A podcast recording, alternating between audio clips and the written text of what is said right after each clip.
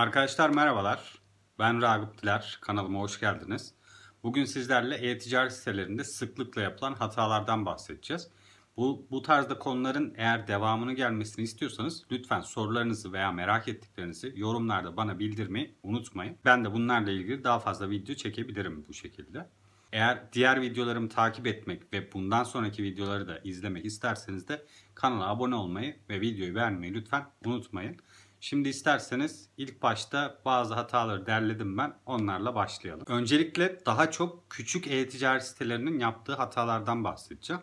Genellikle ürün yelpazesi geniş olmayan e-ticaret siteleri kategori sayfalarında ürünleri yani kategori sayfalarında daha fazla ürün görülsün diye yani kullanıcı geldiği zaman bu sitede yüzlerce ürün varmış gibi görsün diye çok fazla aslında varyasyonlu olabilecek ürünü ayrı birer sayfa yapıyor. Bu aslında bir hata değil ama şöyle sizin böyle yapmanız tüm sayfalarınızın indekslendiği veya Google'da göründüğü anlamına gelmiyor. Bu da aslında günün sonunda sizin binlerce sayfanız veya yüzlerce sayfanız olsa bile istediğiniz verimi alamadığınızı gösterir belki. Yani siz be, belli bir eğer bir korelasyon kurmaya çalışırsanız burada bir hatayla karşılaşabilirsiniz. Bunun sebebi nedir? Eğer sizin bir tişört satıyorsanız örnek veriyorum sadece 4 renk tişörtünüz varsa bunları varyasyon olarak eklemeniz gerekiyor. Ama siz eğer bunları ayrı ayrı sayfalandırırsanız yani kırmızı tişört için farklı, siyah tişört için farklı, mavi tişört için farklı sayfalar yaparsanız o zaman bu sayfalardan Google sadece bir tanesini seçip diğerlerini hariç bırakıldı listesinde gösterecektir. Zaten Search Console'da da bunları takip edebilirsiniz. Orada da size şöyle bir ibare gelir yanlış hatırlamıyorsam. Google tarafından seçilen URL standart URL olarak seçilmiştir gibi bir şeyle karşılaşırsınız. Bu aslında nedir? Kendisi otomatik olarak Google'ın bir canonical sayfası belirlediğini gösteriyor. Ne demek aslında canonical sayfası? Yani bir sayfanın sadece aslında bu sayfayı indeksle canonical'ın verildiği diğer sayfaları indeksleme diyoruz biz Google'a. Google da bunu kendisi otomatik olarak eğer sizin böyle benzer sayfalar ürettiğinizi düşünürse çünkü bizim aynı tişörtün farklı renkleri bizim Google için benzer birer sayfa oluyor arkadaşlar maalesef. Bu yüzden de bunları indekslemek istemiyor Google. Çünkü aynı sayfadan 4-5 tane belki 10 tane üretmişsiniz diye düşünüyor. Bu yüzden eğer sizin az ürün yelpazeniz varsa aslında siz bunu ya genişletmeye çalışmak zorundasınız ya da evet genişletemiyorsanız çok niş bir alanda bir ürün satıyorsanız da web site tasarımınızı ya da kategori sayfanızın tasarımını ürün yelpazesi az olacak şekilde tasarlayabilirsiniz. Bunun için bir kullanıcı arayüz tasarlayıcı tasarımı uzmanı ile çalışabilirsiniz veya yine web site tasarımınızı yapan şirketle veya ajansla beraber daha iyi bir kategori sayfası düzeni oluşturabilirsiniz. En azından 4 ürününüz varsa 4 ürünü çok daha iyi bir şekilde gösterecek. Çok veya azlığın değil gerçekten görsel olarak çok daha iyi bir şekilde gösterecek tasarımlar elde edebilirsiniz. Buna eğer dikkat ederseniz gerçekten çok daha iyi olacaktır. Ha yok ben ürünlerimi göstermek istiyorum diyorsanız da bu varyasyonlu olabilecek diğer ürünleri aslında tek bir sayfada toplayıp diğer o ürettiğiniz sayfalardan en azından canonical vermeyi e, unutmayın. Ya da en azından bu şekilde yaparsanız çok daha iyi olacaktır sizin için. En azından şunun bilincinde olursunuz bu şekilde yaparsanız. Yani bizim evet 10 tane bir ürünün 10 tane sayfası var ama zaten hepsinin canonical'ı buraya gidiyor. O yüzden sadece bizim indeksler, indekslenmesini istediğimiz sayfamız bu sayfa ve eğer o sayfa indekslendiyse ve düzgün bir şekilde sıralama aldıysa ve iyi bir şekilde de gidiyorsa bunun performansı herhangi bir sorun yoktur diyebiliriz veya burada daha iyi çalışmalar yapabilir. Ama günün sonunda varyasyonlu bir ürünümüz varsa aslında bu bizim için duplicate content olarak da bilinen benzer veya yenilenen içerik olarak görünecektir Google'da.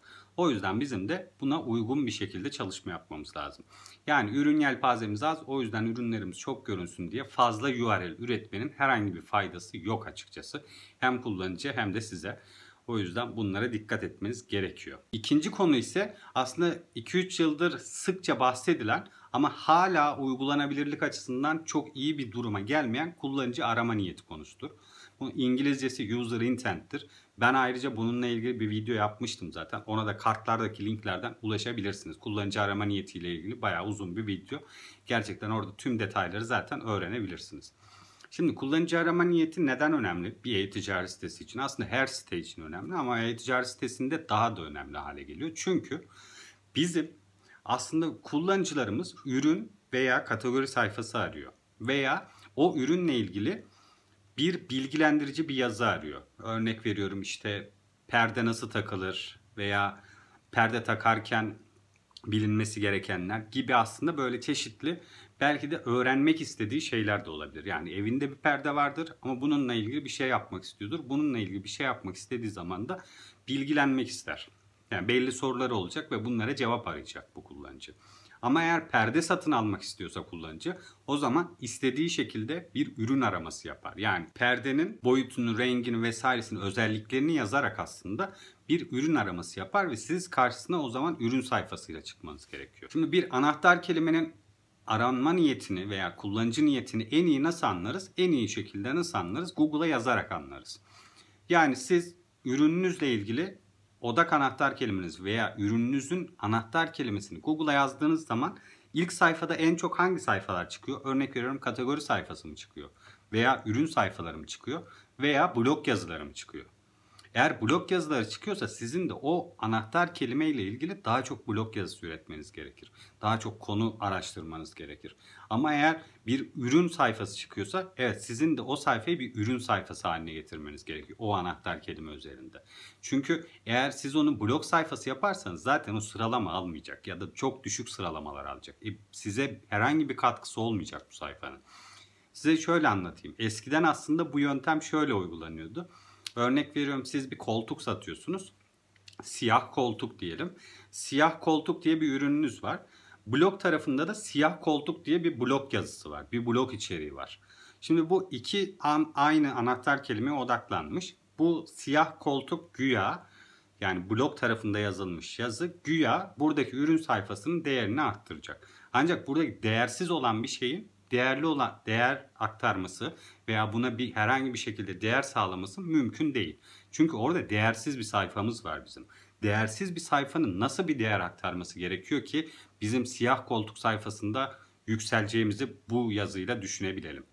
O yüzden ne yapmamız gerekiyor? Eğer bizim siyah perde ile ilgili kategorimiz veya ürün sayfamız ne gerekiyorsa onu yaptıysak bizim bu tarafta da siyah perde kullanırken en iyi duvar renkleri örnek veriyorum. Siyah perdenin kullanıldığı alanlar gibi aslında daha farklı böyle daha blok yazısı içeriğine odaklı kullanıcı arama niyetinin blok blok yazısı içeriğine odaklı anahtar kelimelere yönelmemiz gerekiyor. E siz zaten eğer bu tarafta da böyle kaliteli bir içerik oluşturursanız zaten sizin bu sayfanızda siyah perde ile ilgili bilgiler verdiğiniz için aslında sizin siyah perde sayfanıza daha iyi bir şekilde kullanıcı gönderirsiniz.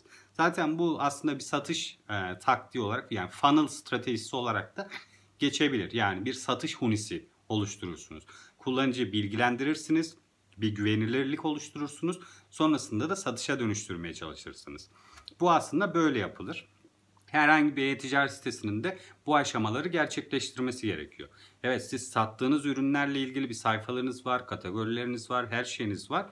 Reklamlarınız da var ama kullanıcıyı bilgilendirmiyorsanız burada bir yanlış yapıyorsunuz demektir. Çünkü başkaları eğer bilgilendiriyorsa siz orada aslında bayağı geride kalıyorsunuz demektir. O yüzden blog ve kategori ve ürün sayfamızı bizim ayırmamız gerekiyor. Hangisi hangisine hitap ediyor? Bunları net bir şekilde bilmemiz gerekiyor. Burada yine sıklıkla karşılaştığım ve benim pek de sevmediğim bir şey var.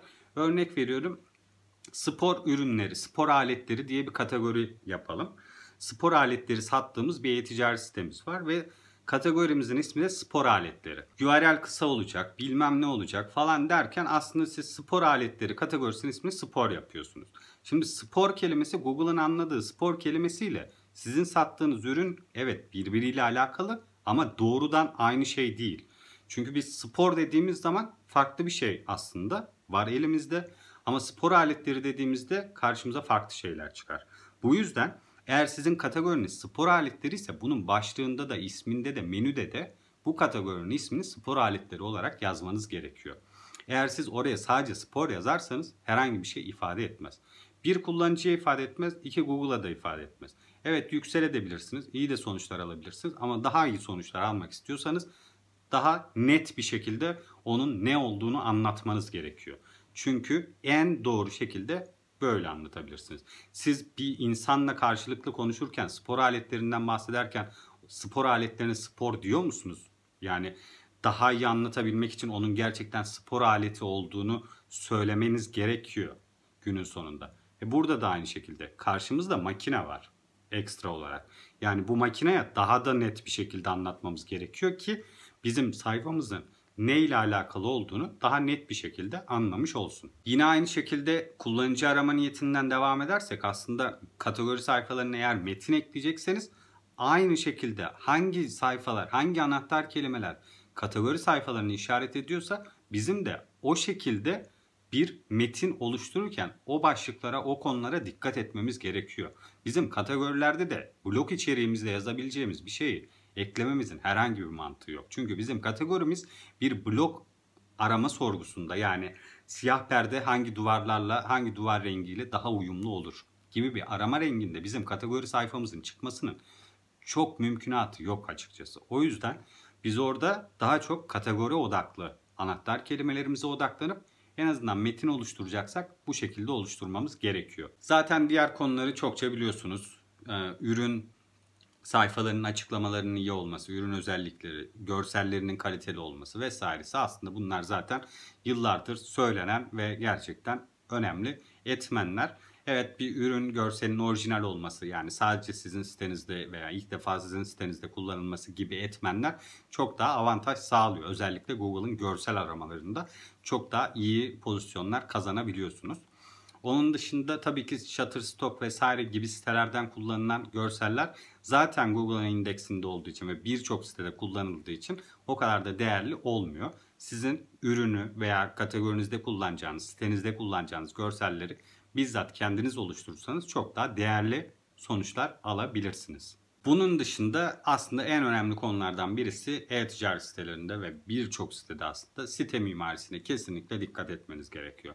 Site mimarisi nedir? E, sitenin yapısıdır aslında. Evet, site structure da denebiliyor zaten buna. Site inşası, sitenin yapısı, sitenin mimarisi diyebiliriz. Bu nasıl oluşuyor? Aslında en temelde en kolay şekilde menülerle oluşuyor. Ama tabii ki de sizin bunu en iyi şekilde uyarlamanız gerekiyor. Menüler ve iç linklemelerle oluşturabilirsiniz bunu.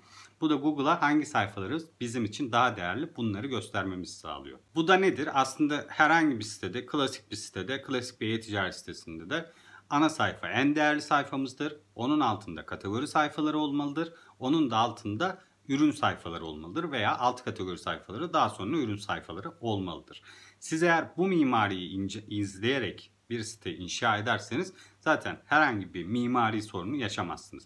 Burada da iç linkler zaten birbirine bağlanarak gidecektir. Bunları siz menüde kullandığınız zaman zaten hepsinin değeri de otomatik olarak artacaktır. Yine kategori sayfalarına mutlaka önem vermeniz gerekiyor. Çünkü neden? Evet ürün odaklı anahtar kelimeler veya ürün odaklı aramalar çok daha dönüşüm oranı yüksektir. Çok daha azdır belki veya çok iyi bilinir markalar dışında gerçekten evet ürün aramaları çok daha azdır normal kategori aramalarına göre. Yani örnek vermem gerekirse iPhone 12, e, 13 veya Samsung'un herhangi bir modeli. Yani telefonlarda özellikle veya bilgisayarlarda da belki olabilir. Bu tarz ürün bu tarz ürünlerde ürün aramaları belki daha çok olabilir veya daha kıymetli olabilir. Ama genel bazda düşünecek olursak aslında genel bir çerçeveden düşünecek olursak daha çok kategori aramaları yapılır e-ticaret siteleri için. Yani o yüzden kategorilerimiz bizim değerli sayfalarımız. Bunlara da önem vermemiz gerekiyor. Yani önceliğimiz %100 olarak ürün sayfaları olmamalı. Kategori sayfalarına da olabildiğince en iyi değeri vermemiz gerekiyor. Bunun dışında son olarak biraz pro tip bir e, ipucu da vereceğim sizlere. Genellikle çok fazla kullanılmayan URL parametreleri aracı vardır. Search Console'da bulunan Google'ın kendi aracıdır. Robots.txt yani bu parametreli sayfalar özellikle örnek veriyorum sıralama sayfaları veya filtre sayfaları aslında birer parametreli sayfalardır. Yani bu sayfalar nasıl olur aslında işte fiyatları artan azalana göre sırala, azalan artana göre sırala veya en çok satılanlar, en çok yorum alanlar vesaire gibi aslında kategori sayfalarında belli sayfalarda bu sıralamalar olur. Bu sıralamalara göre sıraladığımız zaman biz bunlarda birer parametre oluşur. Örnek veriyorum artan azalan e, tire bilmem ne diye gidebilir bu. Bu parametreleri biz evet robots.txt dosyasında engelleyebiliriz ama robots.txt dosyası tek başına bir çözüm değildir. Bunları bizim Google'a URL parametreleri aracında bildirmemiz gerekiyor. Bunu da Search Console'da zaten bulabilirsiniz. Burada gerçekten bu aracı kullanmak da çok basittir aslında. Siz parametrenizi ekliyorsunuz ve Google sonra size bu parametreyi neden eklediğinizle ilgili seçenekler sunuyor. Yani bu sayfada herhangi bir içerik değişmiyor, sadece sıralama değişiyor gibi birçok aslında birkaç tane seçenekte siz o sayfanın neden böyle bir parametreye sahip olduğunu anlatıyorsunuz. Yani işaretliyorsunuz aslında bir kutucu ve Google'a gönderiyorsunuz. Google zaten bu sayfaların artık birer parametre sayfası olduğunu anlıyor ve ona göre işlem yapıyor. Yani siz aslında aslında şunu çözmeye çalışıyor Google. Yani sizin siz artan azalana göre sıraladığınız zaman sonrasında da azalan artana göre sıraladığınız zaman URL'leriniz değişiyor. Peki içeriğiniz değişiyor mu? Hayır, içeriğiniz değişmiyor. O yüzden aynı içerik kaldığı için bunun bir parametre olması yani bunun herhangi bir şekilde hani ikisinin de indekslenmesi gerekmiyor. O yüzden siz bunu Google'a bildiriyorsunuz. Sadece kategorinin ana URL'i aslında indekslenmiş oluyor. Bu şekilde de daha verimli, daha iyi sonuçlar alabilirsiniz. Tarama bütçenizi daha efektif kullanırsınız. Bu bunlara dikkat ederseniz gerçekten veriminizin arttığını, hızlıca arttığını belki de görebilirsiniz. Bunların dışında başka sormak istediğiniz konular olursa e-ticaret veya başka bir şekilde SEO ile ilgili, dijital pazarlama ile ilgili lütfen yorumlarda bunları sormayı, merak ettiklerinizi anlatmayı unutmayın. Ben de bunlarla ilgili daha çok video çekebileyim. Sizlere yardımcı olmaya çalışayım. Teşekkür ediyorum beni dinlediğiniz için ve videoyu izlediğiniz için. Lütfen videoyu beğendiyseniz videoyu beğenmeyi ve kanala abone olmayı unutmayın. Bir sonraki videoda görüşmek üzere. Hoşçakalın.